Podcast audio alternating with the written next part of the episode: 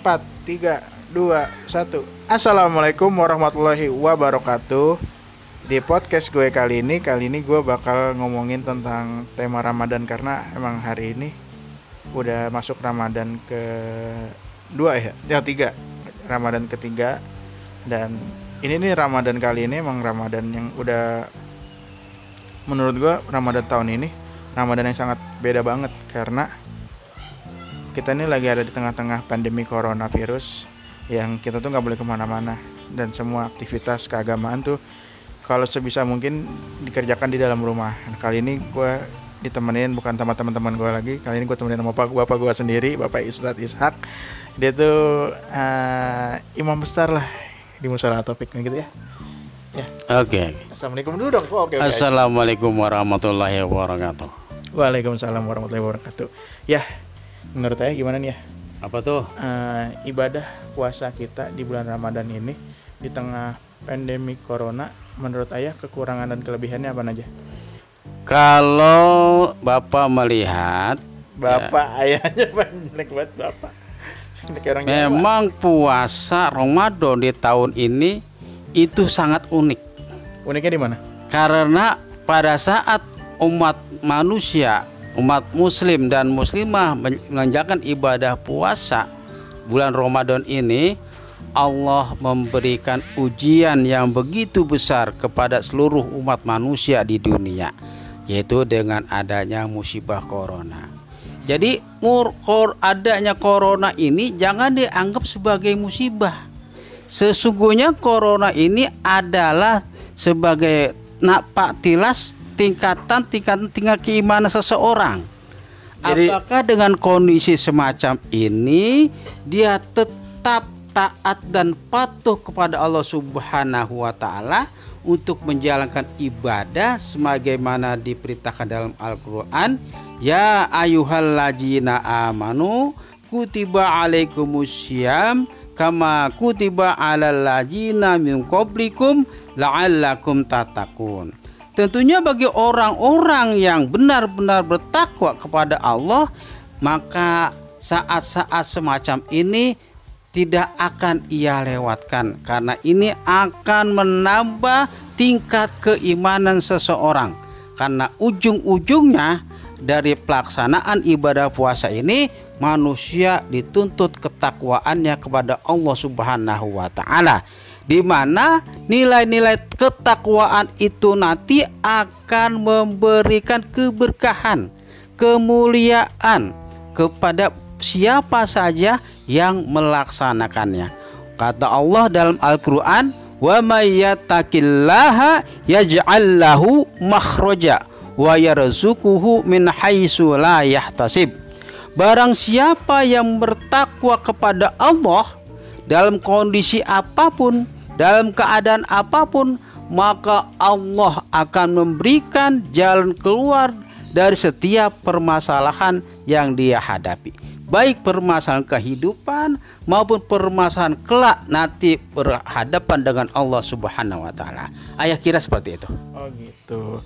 Jadi uh, walaupun di tengah pandemi corona ini yang kita nggak boleh ke mana-mana, kita tetap emang harus karena puasa kan juga di, juga di rumah bukan di luar. Malah juga Ramadan tahun ini kan emang kebanyakan orang-orang tuh nggak dibolehin keluar rumah terus di dalam rumah semuanya. Jadi ya alhamdulillah sih jadi Ramadan tahun ini kita full sama keluarga kita. Jadi bisa tuh menikmatin uh, ibadah bersama keluarga alhamdulillah.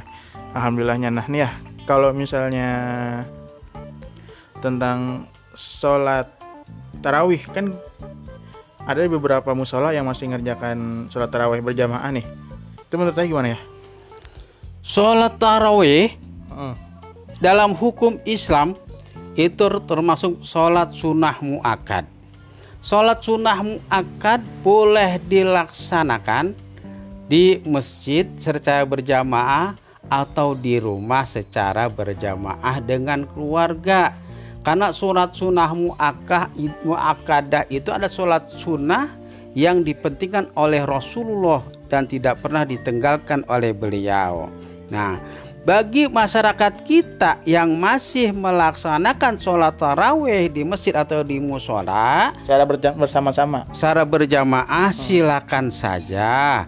Hanya saja kita harus tetap menjaga jarak atau body standing. Kita harus tetap standing apa sih social distancing? social distancingnya harus dijaga. Gitu, tegak jarak, gunakan masker dan dipastikan orang yang mengikuti sholat taraweh itu adalah orang yang benar-benar kondisi tubuhnya sehat. Tidak lagi badannya panas, tidak lagi batuk-batuk, tidak lagi pusing-pusing. Jadi dipastikan orang yang berangkat ke musola itu atau ke masjid dia pasti harus sehat.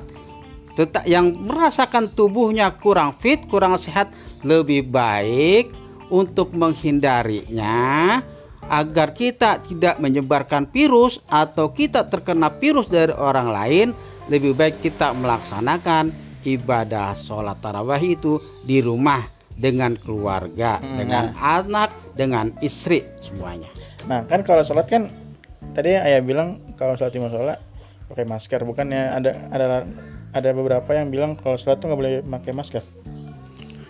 sholat pakai masker ayah pikir itu nggak bermasalah karena Tapi kan hidungnya jadi ketahan sama. di saat kita sujud pun hidung kita terbentur oleh karpet oleh lantai gitu.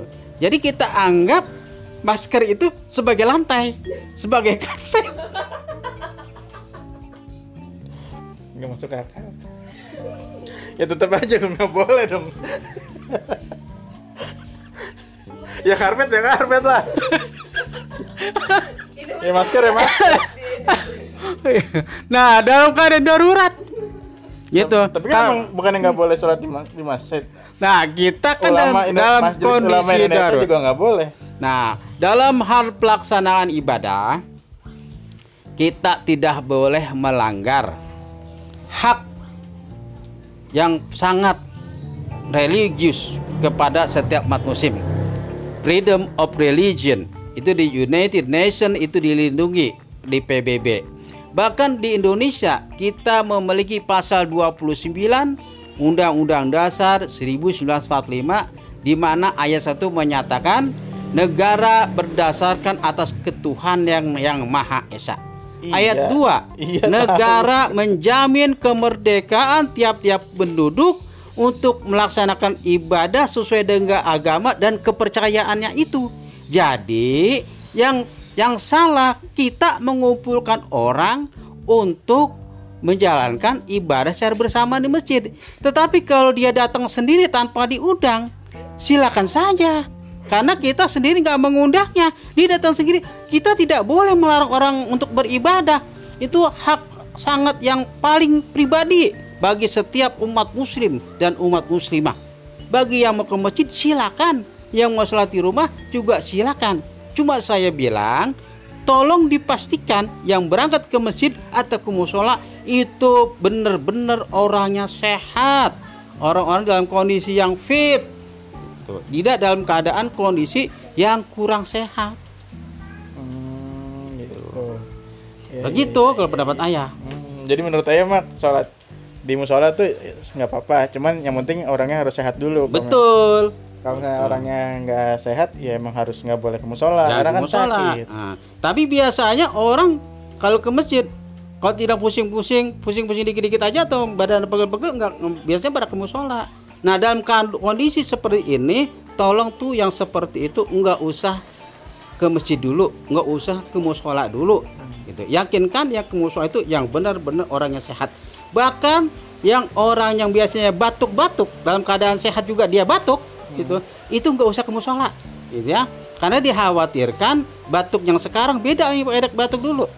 Batuk-batuk sebelum corona dalam keadaan normal mungkin dia tidak menyebarkan eh, virus. Tetapi mungkin batuk-batuk di bo- waktunya corona ini bisa di, saja dia membawa virus.